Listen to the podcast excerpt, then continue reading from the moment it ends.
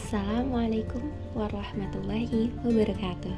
Hai everyone, I'm Raufa. Dan kembali lagi setelah beneran setahun kali ya. Dan kali ini Alhamdulillah dapat semacam apa ya bisikan untuk ayo bikin podcast lagi gitu ayo bikin podcast lagi.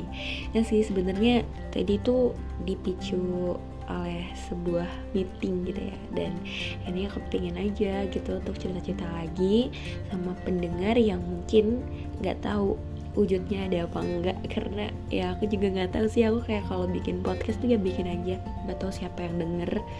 Tapi pas dilihat ternyata ada juga gitu yang denger. Entah siapa itu pula. But siapa pun kamu, terima kasih sudah mendengarkan ya. Kali ini mungkin bisa dibilang cerita-cerita random karena aku nggak ada persiapan apa-apa dan nggak seperti catatan kelas catatan kelas sebelumnya. Kali ini aku cuma pengen ngobrol aja kayak gitu. Kalau catatan kelas kan berdasarkan kelas apa yang udah aku ikutin, terus aku juga nyiapin catatannya yang sebenarnya gitu bakal bahas apa tapi kali ini ya apa yang ada di kepala terlintas itu yang bakal aku omongin kali ya dan balik lagi nih meeting apa sih tadi gitu yang bikin aku pengen cerita? Meeting bersama para kapro dan mungkin ketua unit dari keluarga BMK Masjid Salman ITB dan di situ kita meet uh, ini sih sosialisasi tentang ya berhubungan dengan media-media yang ada di Salman lah terutama Instagram kaderisasi Salman. Atau kita biasanya manggil adminnya tuh Minka Minka dari Sisi Salman kayak gitu. Jadi tadi ketemu sama Minka dan timnya buat jelasin gimana sih gitu ya uh, alur-alur perdesainan ataupun perpostingan di uh, akun Minka tadi.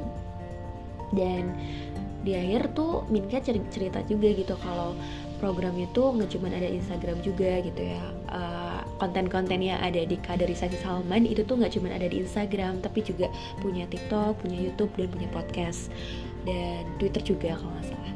Di podcastnya itu nggak namanya bukan kaderisasi Salman. Teman-teman bisa cek sendiri ada namanya pojok gedung kayu.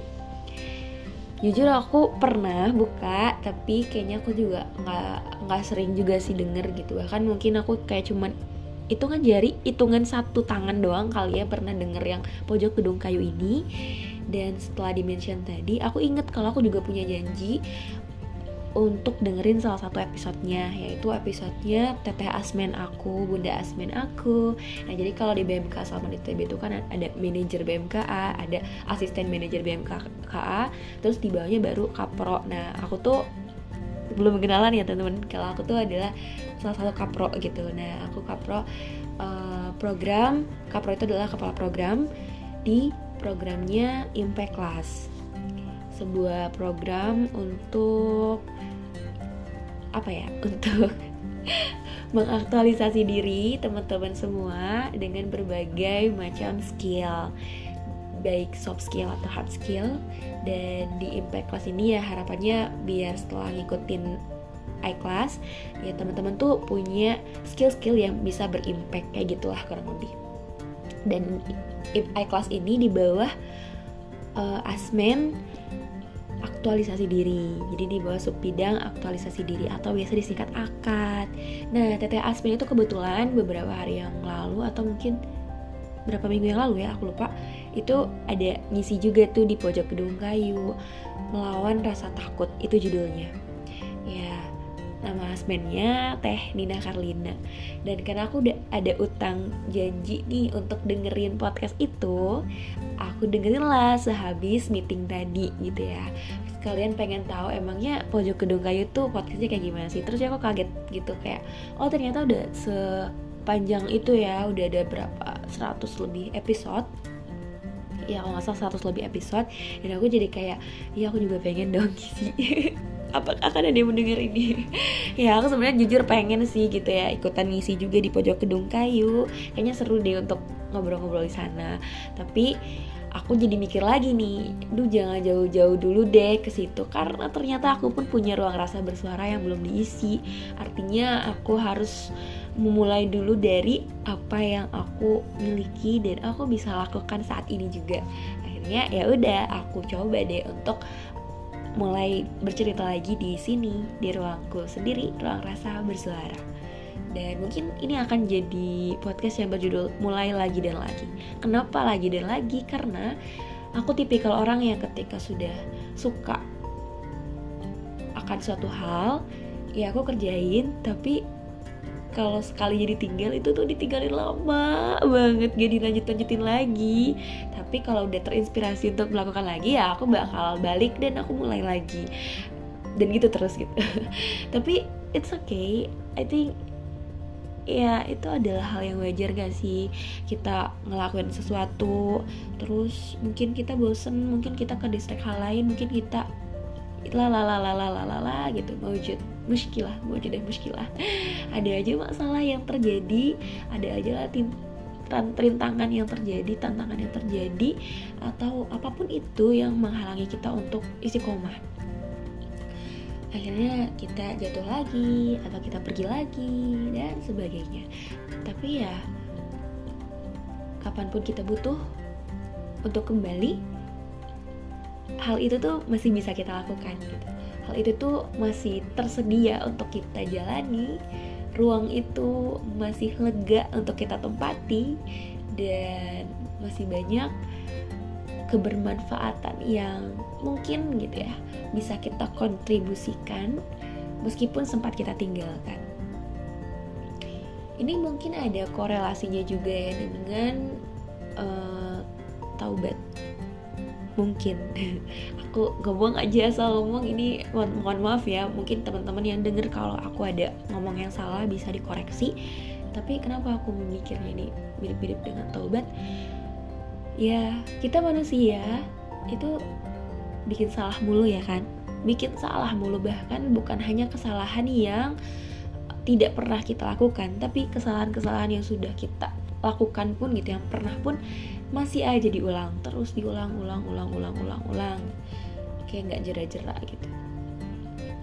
Tapi ya Allah tuh maha pengampun. Semaha pengampun itu semaha penyayang itu artinya Allah tuh tahu banget kalau kita itu manusia tuh pasti bikin salah banyak banget salahnya. Dan kalaupun emang kita bikin salah ya kita tuh tobat aja gitu ke Allah. Kita tobat kita berusaha semaksimal mungkin untuk tidak mengulangi hal itu untuk minta ampun untuk membersihkan dosa-dosa kita. Tapi Allah juga tahu gitu dalam kebajarannya itu adalah hal yang sulit. Jadi mungkin bisa aja kita udah tobat gitu tapi nanti terseok-seok dan jatuh lagi ke maksiat yang sama ataupun maksiat yang lain. Kita bikin dosa lagi kita begitu lagi. Tapi Allah tuh selalu terbuka pengampunannya tuh luas banget karena memang semahalus itu Allah gitu ya. Terbuka lagi seolah-olah kayak sini hambaku aku siap mendengarkanmu aku siap memelukmu. Seolah-olah begitu lagi itu sama Allah. Jadi selalu ada kesempatan untuk kita kembali, untuk kita bertaubat, untuk kita dipeluk lagi, untuk kita disayang lagi itu tuh selalu ada kesempatan. Aku koreksi sih untuk kita disayang lagi, aku koreksi uh, kata-kata aku karena memang Allah tuh semaha penyayang itu artinya tidak pernah sedetik pun Allah tidak sayang sama kita. Jadi bukan tidak eh bukan disayang lagi karena memang Allah selalu menyayangi kita. Ya itu sih koreksi ya. Mohon maaf. Ya ini baru aja bikin eh baru ngomong tentang kesalahan terus bikin kesalahan lagi. Tapi ya aku mikir kayak gitu sih. Aku merasakan hal itu. Uh, jadi kalau sekarang selalu apa ya selalu ngerasa apa emangnya aku pantas ya untuk balik lagi ke Allah? gitu. Emangnya aku pantas ya untuk mendapatkan ampunannya Allah? Emangnya emangnya nggak apa-apa ya aku udah ngelakuin dosa sebanyak ini untuk mulai deketin Allah lagi? Ya nggak apa-apa gitu jawabannya ya nggak apa-apa. Itu aku selalu menguatkan ke diri aku sendiri nggak apa-apa emang manusia itu tempatnya salah kok. Allah maha pengampun kok nggak apa-apa Cuman kita juga harus ingat Allah maha pengampun tapi Allah juga maha pemberi balasan. Sehingga uh, selain kita berharap dapat ampunannya Allah kita juga punya benteng gitu. Ketika kita akan melakukan maksiat itu kita punya benteng. Di mana benteng itu mengingatkan kita kalau Allah pemberi balasan. Mengingatkan kita kalau kita ngelakuin sesuatu hal yang buruk gitu. Itu nanti juga akan berdampak juga ke diri kita entah yang pasti dapat dosa ya. Eh, tapi entah balasannya itu akan dihadirkan di dunia atau lebih parah lagi akan dihadirkan di akhirat. Tuh jadi ya bikin kita mikir lagi gitu ya. Emang Allah bakalan ampunin kita. Tapi bisa jadi juga kan Allah akan memberikan balasan gitu atas apa yang kita perbuat. Itulah yang harus kita bentengi gitu ya. Uh, dari uh, itulah yang harus menjadi benteng gitu untuk kita ketika terbisikkan untuk melakukan kejahatan atau kemaksiatan. Di luar sana. Mungkin itu aja kali ya dulu. Ih kepanjangan banget. Ini kayak nggak kerasa ngobrol-ngobrol. Tau-tau udah jam udah 10 menit lebih. Udah 11 11 menit ini setelah ini. Tapi aku ngerasa uh, fulfill sih. Ya ya udah lama gak ngobrol-ngobrol dan akhirnya ngobrol lagi gitu. Seru sih ya Oke, terima kasih sudah mendengarkan. Jadi kesimpulannya, no, no ada kesimpulan. ya intinya adalah gak apa-apa untuk mulai lagi dan kalau berhenti tapi nanti mulai lagi. Jadi mulai lagi, lagi, lagi, lagi, lagi dan lagi. Mulai terus pokoknya. Dan pastinya mulai lagi dengan versi yang lebih baik ya dalam hal apa pun. Oke, semangat semuanya. Thank you udah dengerin. Semoga pada sehat-sehat terus ya. Aku Raufa dan inilah Ruang Rasa Bersuara episode kali ini. Sampai jumpa di Ruang Rasa Bersuara lainnya.